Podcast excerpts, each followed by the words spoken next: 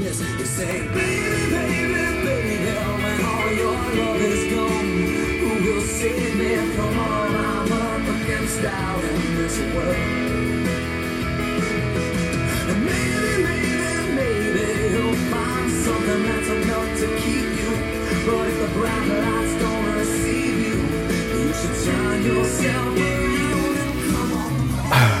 Ya, halo K9 Podcast. Em, ini gue pengen take buat nge-review ya pertandingan antara Milan dan Bolonya ya yang berlangsung dini hari tadi beberapa jam lalu dan Milan berhasil menang dengan skor 2-0. Ya, kalau ngelihat pencetak golnya ini melegakan ya. Olivier Giroud dan Rafael Leao ya dua pemain yang jadi protagonis musim lalu tapi musim ini di dalam dua pertandingan pertama belum terlalu bersinar gitu. Nah, jadi ngelihat mereka tampil bagus, nyetak gol, main 90 menit. Ini merupakan sebuah sign yang positif tentunya karena ya masih akan banyak pertandingan yang dilalui dan besok main hari Rabu ya. Ya eh, di pertandingan match day 4 lawan Sassuolo ini udah main midweek. Habis lawan Sassuolo eh, lawan Inter gitu ya. Jadi emang ini akan jadi pekan yang berat abis lawan Inter pembukaan UCL lawan eh, Red Bull Salzburg. Ini akan menjadi jadwal yang berat. Jadi eh, kita butuh pemain-pemain terbaik emang tampil dalam eh, form terbaik dan juga pemain-pemain yang baru ya. Pemain-pemain baru itu lebih cepat beradaptasi. Gitu sih. Sebentar gue cek expected goalsnya dulu ya biar enak aja gitu expected goals. Gue biasa ngeliat expected goals itu dari website Understat. Understat.com. Gue lebih suka pakai parameter expected goals sih karena expected goals ini lebih ya lebih ini aja lebih akurat kalau menurut gue untuk menggambarkan sebuah pertandingan gitu. Bagaimana tim itu bermain. Nah, 2-0 skornya Milan expected goalsnya eh, 2,84 dan bolonya 0,51 ya ini terlihat jelas berarti Milan sangat dominan dan baik dalam creating chances. Cuman dari 2,84 expected goals cuma 2 gol yang bersarang. Nah ini berarti ya bisa dibilang ada sedikit kekurangan gitu ya dalam hal efektivitas memanfaatkan eh, memanfaatkan peluang itu emang Milan kemarin banyak banget peluang sih bentar gue ngeliat stats lanjutannya ya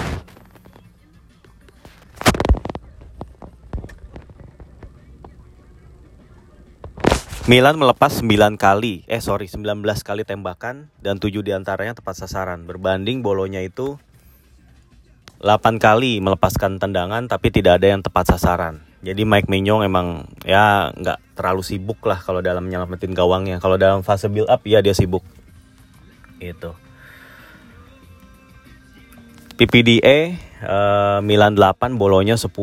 Ya pressing bolonya cukup oke sih sebetulnya.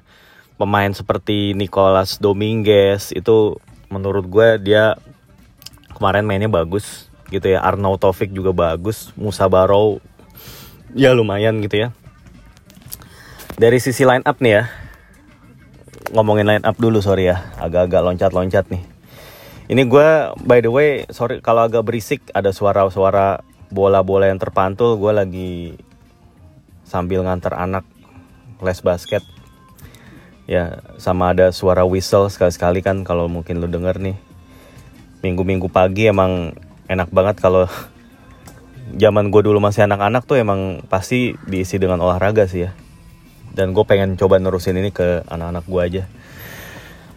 Oke let's go on. Em, Milan itu nurunin squad yang seperti biasa kecuali Charles De Ketlare yang akhirnya diberikan debut sebagai starter untuk pertama kalinya sejak dia join gitu ya. Jadi De Ketlare main di eh, sebagai attacking midfielder di tengah ya bersama Leo di kiri dan Junior Mesias di kanan dan di belakang Olivier Giroud. Ya, sisanya kalau untuk pemain lain Tonali Benacer, eh, Calabria, Theo, Tomori Kalulu dan Mike Maignan masih sama. Bolonya Lukas Koropski sebagai kiper, trio backnya Adama Somaro, terus eh, John Lucumi dan juga si siapa lagi tuh satu Gary Medel ya terus uh, trio gelandangnya itu Nicolas Dominguez terus satu lagi eh dua lagi uh, Jerdy Scouten dan satu lagi siapa ya kemarin ya? Oh ya Emmanuel Vignato. Ya Emmanuel apa Francesco Vignato sih ya di antara itulah. Back sayapnya di kiri Andrea Cambiaso dan di kanan si siapa sih? Casto Castolos apa? Ya itulah. Pokoknya orang Yunani apa pokoknya orang mana gitu. Ya.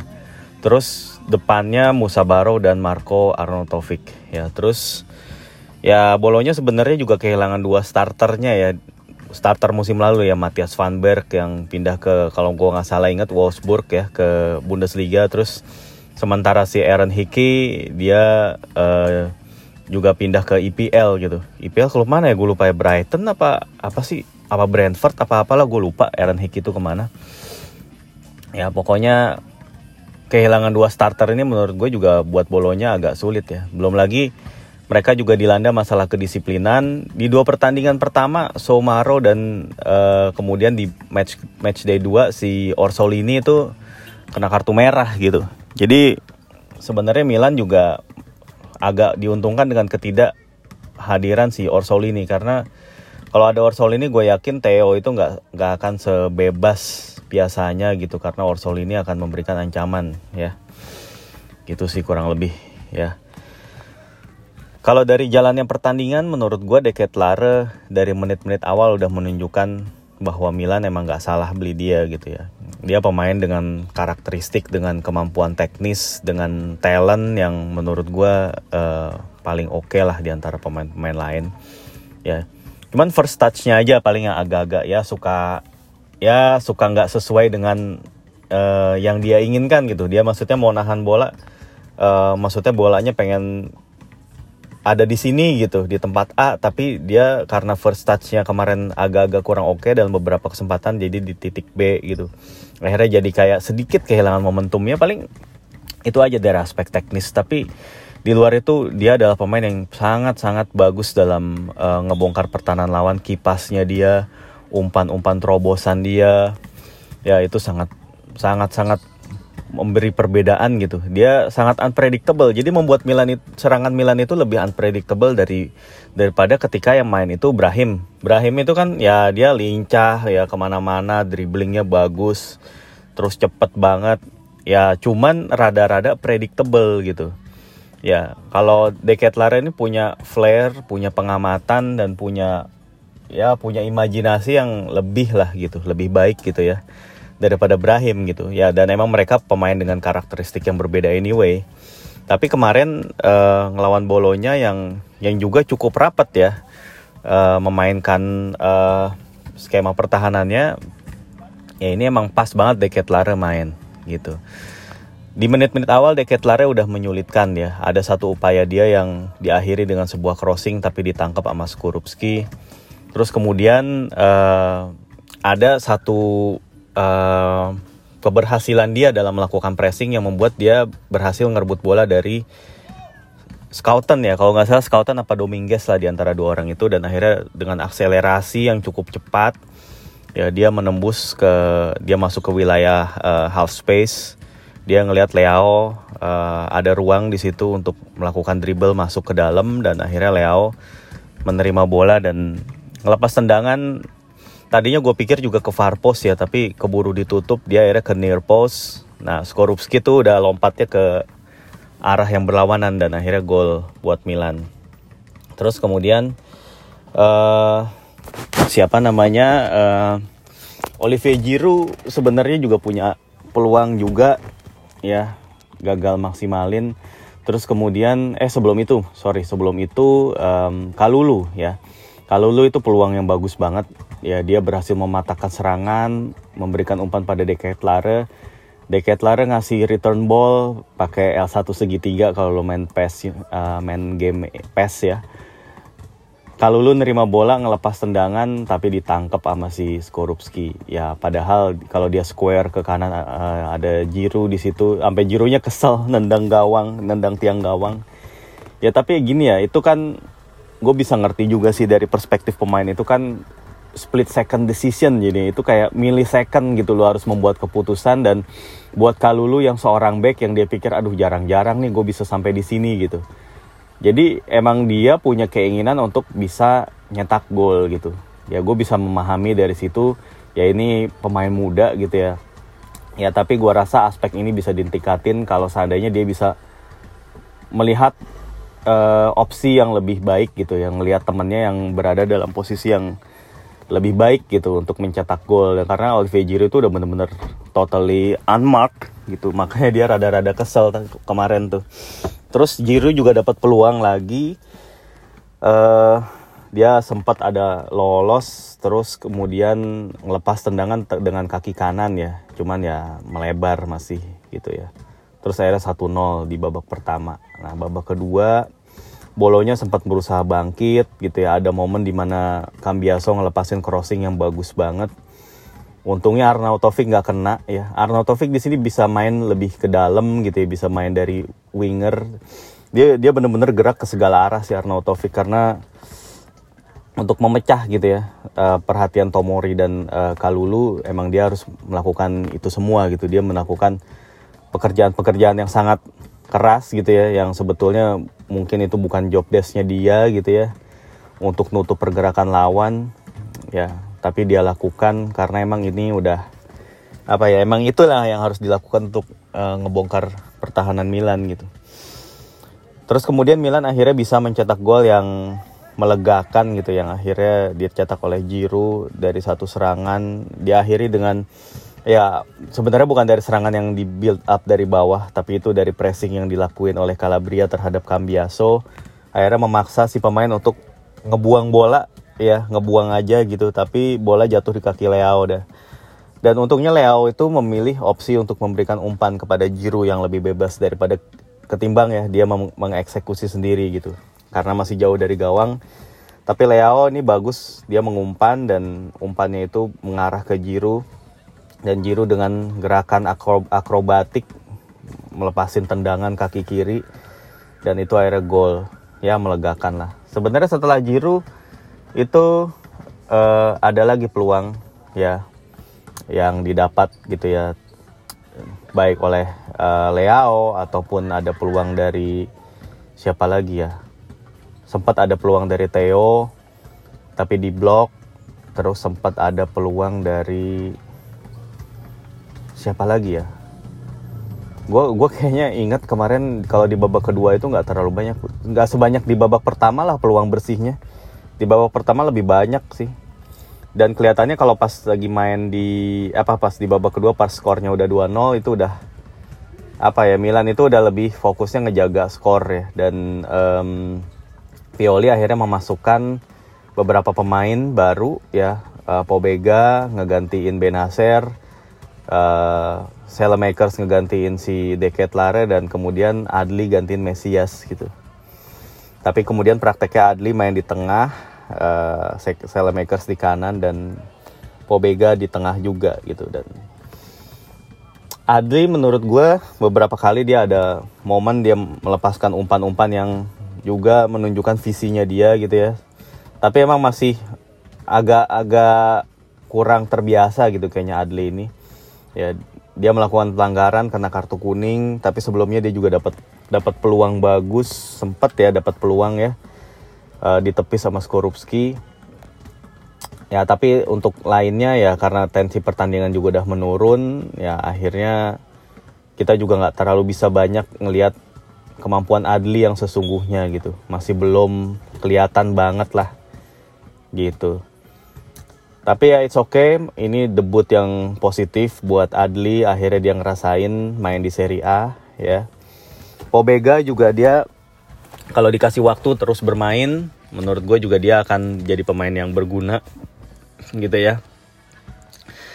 Terlepas Milan jadi ngedatangin gelandang baru apa enggak, tapi menurut gue kalau emang Pobega bisa diandalkan ya cukup lah gitu ya untuk musim ini asal Benacer Tonali nggak ada yang cedera aja menurut gue Pobega dimainin di saat-saat kayak gitu cukup lah dan juga masih ada Rade Kronik juga ya Brahim Diaz nggak main, Rebic nggak main, Origi nggak main. Gua rasa mereka akan dapetin porsi yang lebih pas lawan Sassuolo besok. atau pas lawan Salzburg ya. Jadi emang lagi-lagi gue bilang banyak opsi. Nah Pioli lebih banyak opsi sekarang. Terus ya update transfer Milan akhirnya katanya menurut Di Marzio itu dilaporkan udah setuju dengan Schalke ya terkait transfer dari back Malik Tiao. Ya Malik Tiao itu masih berusia 21 tahun ya. Dia kelahiran 2001, tinggi badannya 190 cm, 191 lah ya, berat badan 80. Sosok yang tinggi ya uh, center back akhirnya dapat Milan center back yang posturnya oke, okay, yang tinggi besar, yang bukan tinggi besar sih ya. Pokoknya ya posturnya tinggi gitu.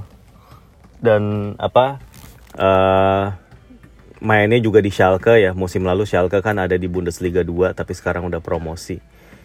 Gue belum cek sama sekali datanya Malik Tiao baik dari sisi stats ataupun other story-nya mungkin next time kalau emang udah resmi bisa jadi gue akan bikin edisi khusus dia gitu ngebahas dia tapi ya nggak akan terlalu banyak gitu ya nah tapi gue bingung dengan kedatangan Malik Tiau apakah Gabia akan dipinjamkan? Nah kalau Gabia dipinjamkan bagaimana dengan registrasi pemain sih? UCL gitu ya, ya di Serie A kalau apakah akan ada pemain Primavera yang dimasukin? Ya kalaupun ada siapa gitu? Apakah Andre Kubis? Apakah si Andres Yungdal kan kayaknya udah didaftarin ya. Jadi Milan tuh punya Yungdal, terus kemudian si Calabria dan Pobega gitu ya. Nah satu lagi siapa nih gitu ya? Apakah Andre Kubis mau ditambahin, dimasukin atau salah satu gelandang lah, Antonio Gala ataupun El Hilali atau siapa pun lah ya penyerang ataupun uh, Chaka Traore ya siapa pun itulah bisa ditambahkan gitu ya. Mungkin begitu sih opsi yang dimiliki karena pasti Gabia juga pengen nambah menit bermain gitu ya dan loan ke klub Serie A lain menurut gue ini adalah hal yang terbaik buat Gabia. Tapi ya selama Milan bisa memecahkan ya hal-hal administratif seperti registrasi pemain kayak gini gitu. Ya um, ya gue rasa itu aja yang mau gue sampaikan. Tidak ada hal lain yang istimewa di pertandingan ini. Ya selain mungkin ya tadi Leo Jiru akhirnya nyetak gol gitu ya Leo juga kabarnya diminati banget sama Chelsea. Cuman kan Milan ya cuma mau ngelepas kalau uang transfernya mungkin di atas 100 juta Milan baru consider lah ya.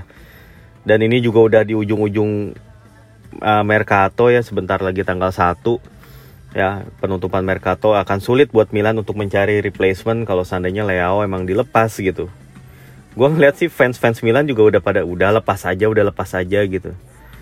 Ya gue sih nggak nggak mau komen banyak soal situasi ini. Gue gue dalam posisi netral maksudnya gitu. Gue kalau Leo stay senang-senang aja. Tapi kalau misalnya Leo lepas ya asal manajemen bisa dapetin pemain baru yang sepadan ya ya udah gitu. Tapi gue rasa realistisnya kalau Leo dilepas mungkin Milan akan kesulitan dalam beberapa pertandingan ya. Karena Leo itu kan uh, perannya dia uh, di strateginya Pioli itu kan sangat besar ya. Dia dia pemain yang sangat diandalkan dalam fase ofensif. Dan itu akan mengubah skemanya Milan sih kalau Leo sampai cabut gitu. Apalagi di end of Mercato kayak gini gue jadi ingat kayak Juve kemarin yang kehilangan Ronaldo di end of Mercato kayak gini. Dan lihatlah mereka pada awalnya startnya jelek gitu. Dan akhirnya nggak mereka nggak Scudetto dan karena fokusnya Milan ini untuk mempertahankan Scudetto ya dan tampil lebih baik di UCL menurut gue Leo untuk saat ini stay aja gitu. Tapi ya manajemen harus consider kontraknya dia juga yang permintaannya akan sangat gede gitu. Ya udahlah gue rasa ini aja dulu. Uh, eh, gue mau lanjutin kegiatan gue gitu ya. Sampai jumpa lagi dalam episode mendatang dari Kasamilan Podcast. Ciao